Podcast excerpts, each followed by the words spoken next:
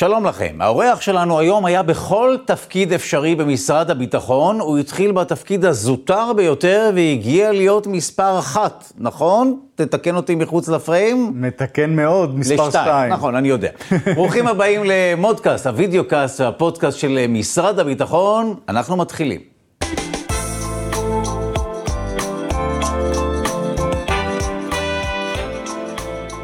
כן, לגמרי מספר 2, אבל בשבילנו אתה מספר 1, אבל זה מספיק קרוב. אז נמצא איתנו כאן סמנכ"ל, ממלא מקום המנכ"ל וראש אגף התכנון במשרד הביטחון, איתמר גרף, שלום. אהלן דודו. טוב, הצגתי אותך כמי שהתחיל ממש מלמטה, אז מה זה הלמטה הזה? מה עשית בהתחלה לפני כמה זמן? האמת 30 שנה. וואו. הייתי למשרד בתחילת 94, אחרי uh, קצת uh, אזרחות וקבע ככה ראשוני, קצין צעיר בצבא, הייתי קרבי בשריון.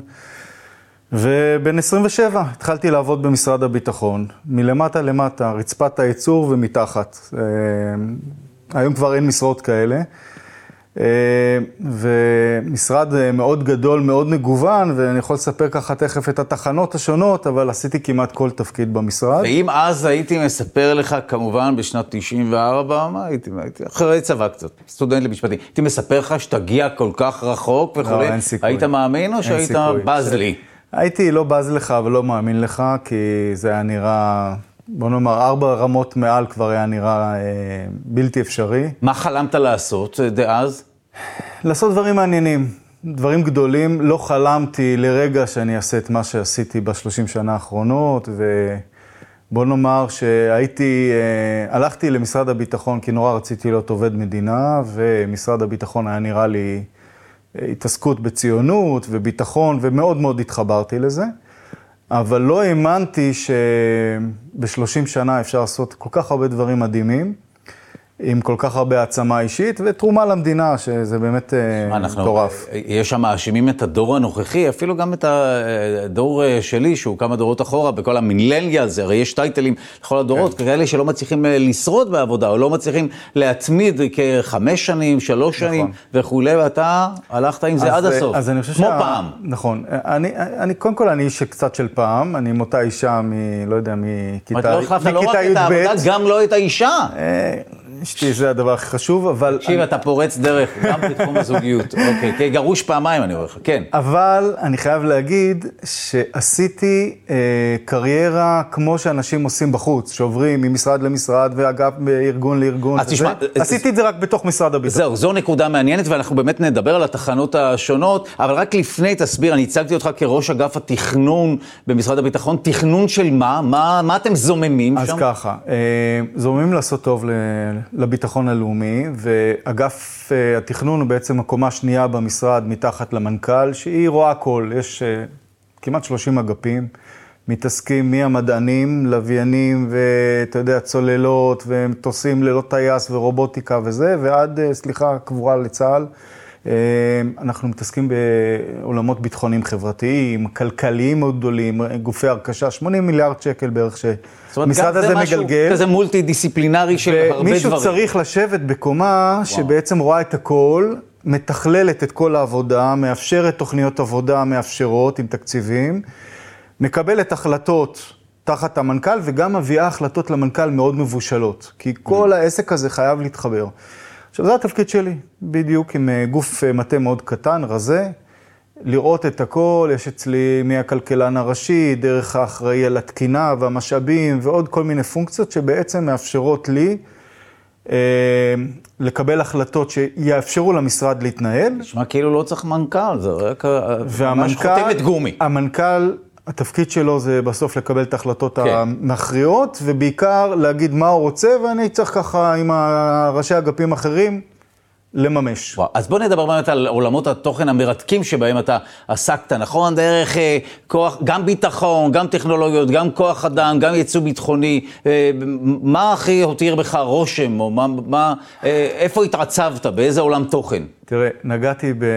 אני הייתי אומר אה, שני שליש, של נגיד 30 שנה הקריירה, אז שני שליש זה היה באמת עולמות נורא נורא נורא אה, מסווגים, ביטחוניים, עם הרבה מאוד עשייה סביב התעשיות הביטחוניות והעולם הבינלאומי. התחלתי אה, במלמ"ב, מלמ"ב זה הגוף הביטחוני של משרד הביטחון שאחראי על מערכת הביטחון. אה, ו... שמה עשית שם? ושם הייתי בעצם בעולם היותר אה, בינלאומי של מלמ"ב. למעשה, כשאתה רוצה לעשות פעילות בינלאומית, אתה צריך שיהיה לך גופים מקבילים בעולם. שיודעים לשמור לך על הסודות. תעשייה ביטחונית משתפת פעולה עם תעשייה ביטחונית אחרת, או שאנחנו מוכרים איזשהי אה, מוצר, ובמוצרים מסווגים אתה בעצם צריך שיהיה לך מעטפת של הסכם סודיות, יחסים בינלאומיים ומעטפת אה, בינלאומית.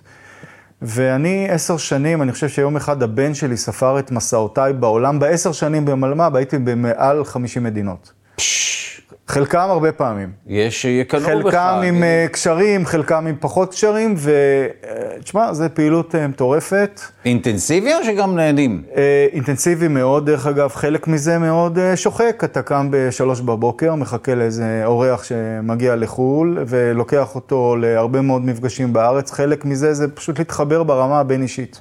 בסוף בסוף הדברים הם כמו גם בארץ, גם הם בעולם הבינלאומי. הכל, כולם אנשים. לדבר עם הגנרל על הבת שלו ועל אשתו ולהכיר אותה והוא מכיר אותך, ובסוף אתה יכול ברמת טלפון לסגור הרבה מאוד דברים.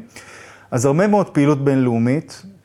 שוב, אה, שעוסקת בייצור בין ב- היתר של... שעוסקת בלאפשר למערכת הביטחון להתחבר למערכות ביטחוניות בינלאומ... Mm. בינלאומיות בעולם ולעשות דברים שחלקם מאוד מאוד רגישים. זאת אומרת, אנחנו היום מפתחים חלק גדול מהדברים הכי רגישים לצה"ל ביחד עם שותפים בינלאומיים, ואתה צריך, שה... צריך לסמוך עליהם. אתה צריך להיות מאוד מאוד אה, ביחסים אינטימיים איתם, להכיר איך הם עובדים. ממסמך סודיות, הסכם סודיות שהוא מסמך, אבל הוא מסמך, מסמך מחייב, דרך זה שאתה יודע אה, לנעוץ אה, אה, פעילות אה, מאוד מאוד אה, מגינה על הסוד שלך בצד, בצד אה, רחוק מהעולם. באיזה מקומות אה, אקזוטיים במיוחד היית, אם תוכל כמובן לחשוף? מה, הייתי בכמעט הכל, כולל האיחוד האירופי ובאו"ם ובמקומות כאלה, שהם אה, מה שנקרא לא רק מדינות, אה, לא רק יחסים בילטרליים, אבל אני יכול לספר סיפור ככה אקזוטי, שיום אחד אה, נסענו לפעילות באוגנדה, בסדר? פעילות, מדינה לגיטימית ועל הכיפאק, והייתי אורח של משרד ההגנה האוגנדי, ובהפתעה לקחו אותי לספארי. ו... סתם ליהנות מה... ל- ל- גם הם רוצים להתחבר איתך, והם רוצים בעצם קשרים אה, טובים. שזה עובר אז- דרך אריות. אז לוקחים אותך במטוס אה, ככה פרטי, ככה אתה נכנס לאיזה מטוס קטן שאתה לא יודע אם אתה גומר את הטיסה בסדר או לא, כי זה מנוע אחד, ואתה טס שעתיים, ואתה נוחת על איזה גבול שאין שם אף תייר, כי זה באזור אה, מאוד אה, של מורדים וכדומה, ואתה עולה על טרקטורון ומלווים אותך איזה 20 מקומיים, רק בשביל לעשות לך איזה גוד טיים, ובסוף אתה חוזר ל- לעיר בירה ומקדם את הקשרים. הדברים הם מטורפים, הם, אה, הם כמובן... אה, חששת? זאת אומרת, זו נקודה שאתה אומר, לא, אף אני פעם פה. אה, לא, לא הרגשתי חשש, לא? אבל, אבל, אבל הרבה פעמים צבעתי את עצמי שאני עובד מדינה. אתה יודע, השכר הוא סביר, אבל הוא לא בשמיים, הוא בסדר גמור, אבל, ה- זה נחליט בעריכה אם. אבל החוויות כן. הן מטורפות. מעניין. מטורפות, שאתה אתה אומר, לא יכול להיות שאני זכיתי ל- להיות בחוויות כאלה, ויש כאלה סיפורים אינסוף. אז אוקיי, אז אה, דיברנו על אה, עולם התוכן הזה של גם ייצוא ביטחוני וגם קשרים עם מדינות אחרות. עסקת בעוד אה, נושאים מהותיים מאוד. אז ככה, במעלה ההתפתחות, אחרי עשר שנים באותה, בא- באותו תחום של מלמ"ב, עם הרבה מאוד אה, עשייה אה, באמת רגישה, מסווגת, מעניינת, אה, הכרתי את התעשיות הביטחוניות, מהקטנות עד הגדולות. הגעתי ללשכת מנכ"ל, לשכת מנכ"ל זה בעצם חוד החנית, זה הפירמידה אצלנו. המנכ"ל הוא חולש על תקציב הביטחון. עם הדולר סיוע זה מעל 80 מיליארד שקל, וכל החלטה שלו זה 80 מיליארד שקל, איך היא מתחלקת. אה, החלטות קשות, כל יום 16, 17, 18 דיונים, ובעצם שלוש שנים, אה, ביום ראשון הופעתי ב-6 בבוקר, וביום שישי אחרי צהריים חזרתי הביתה, זה קצת כמו לחזור לצבא. וואו.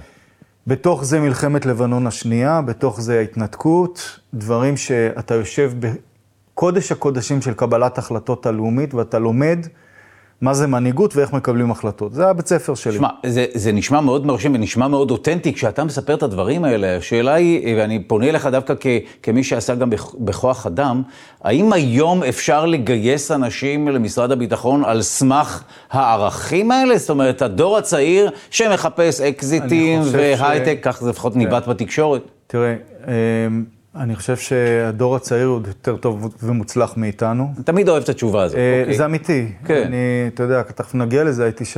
חמש שנים סמנכ"ל משאבי אנוש של משרד הביטחון, ואני כמובן גם אה, עמוק בתוך צה"ל, ואני רואה ככה, אפילו היום זה כבר הבנים, של... הבנים והבנות של החברים. יותר מעניין אותם לעשות טוב לעולם, ערכים של ציונות ומשמעות, זה הדבר המרכזי. מעניין, אתה אומר שדווקא בני הדור הנוכחים, הם לא בהכרח רצים רק לכסף, אלא הם כן מחפשים איזושהי משמעות. לגמרי, לגמרי לא הכסף. מעניין.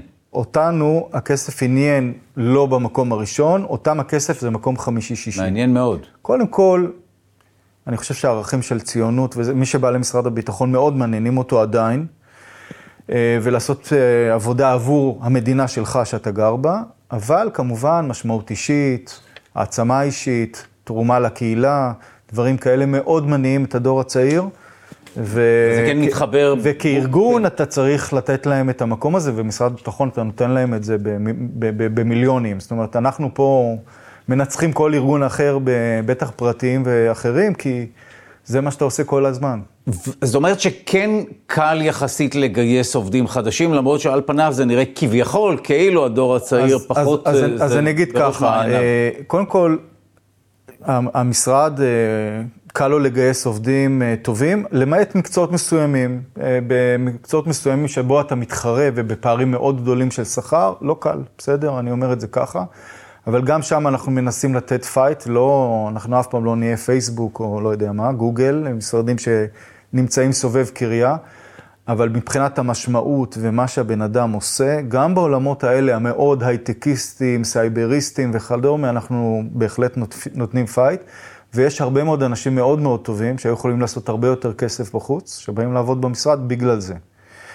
אה, זה מרגיע באיזשהו... כן, אבל אני, אני, אני חושב שאחד הדברים המעניינים זה באמת לבוא למקום עבודה אחד, ויש הרבה אנשים שאומרים, אני רוצה כן להיות במקום אחד, לא רוצה כל יומיים להחליף מקום עבודה, אבל בתוך המקום עבודה הזה להחליף מקומות עבודה. זאת אומרת, אתה יכול יום אחד להתעסק בנכי צה"ל, כמו שאני גם התעסקתי בחלק מהחיים כן. שלי, ולהתעסק בטיפול בפרט, וגם לעשות ייצוא ביטחוני.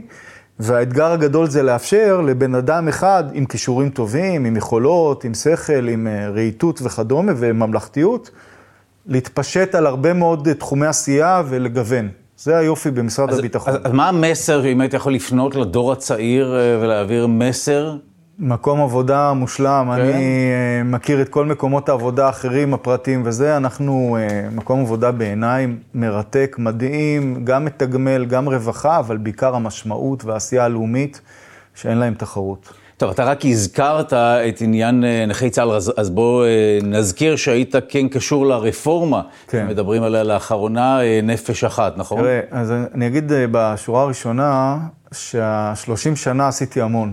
המון המון. הדבר הכי משמעותי שעשיתי, ואיתו אני אולי אקח גם לפרישה, זה חצי שנה, אולי שמונה חודשים, שהייתי בכלל ממלא מקום. בתור סמנכ"ל משאבי אנוש לקחתי על עצמי, לבקשת המנכ"ל דאז, אמיר אשל, גם את אגף השיקום, שיקום נכי צה"ל, והייתי ממלא מקום. ובאותה תקופה היה אירוע איציק סעידיאן, אה, אני יכול לספר על זה הרבה, אבל אין, אה, אין, אין הרבה זמן, אבל זה ספר. אה, וניהלתי את המשבר הזה ביחד, כמובן, עם שר הביטחון דאז, בני גנץ ואמיר אשל ועוד הרבה הרבה אחרים טובים, אבל הייתי ממובילי הרפורמה, יחד עם ארגון נכי צה"ל, שבוע של אה, עבודה 24-7, והוצאנו ספר שנקרא רפורמת נפש אחת. היום אני עוזר לממש אותו. מישהו אחר אה, מוביל את האגף הזה, אבל זה אירוע שהייתה לי הזכות כעובד ציבור להשפיע על... 60 אלף נכי צה"ל, אבל עוד אה, אדווה של אה, עשרות אלפי משפחות, ולעשות טוב למדינת ישראל, וגם לעשות אה, טוב לעובדים שלנו, שזה מאוד מאוד היה חשוב לי. אה, ואנחנו בתהליך, זה קשה, אבל התהליך הוא מתקדם, מתקדם יפה. טוב, אה, לסיום, אה, מה בעתיד? בדרך כלל מדברים על חלומות וכאלה, אחרי 30 שנה. אני אף פעם לא חשבתי שנה קדימה, ככה אה. זה האמת. עברתי ועברתי ועברתי, ותמיד זה היה בדרך כלל שפתאום הגיעה איזו הזדמנות ואמרו לי, בוא רגע, צריך אותך פה ימינה או שמאל, ודווקא דברים שתכננתי לעשות לא הגעתי לעשות. ואני גם אומר את זה להרבה עובדים שלנו, תנו ל-Waze להתפרע. אז אני לא יודע מה אני אעשה עוד שנה, עוד שנתיים. זה אמת פילוסופית אה, רוחנית כמעט, נכון. חילצנו פה. תודה מעומק הלב על שלל הסיפורים אה, שסיפרת לנו ועל זה שהגעת לכאן, סמנכ"ל, ממלא מקום המנכ"ל וראש אגף התכנון במשרד הביטחון, זה טייטל כל כך ארוך שאני צריך לקרוא אותו מהדף. איתמר גרף, זה היה תקרא לי איתמר. אה, אה, too late, תודה רבה. ועד כאן מודקאסט, הוידאו קאסט והפודקאסט של משרד הביטחון. להתראות.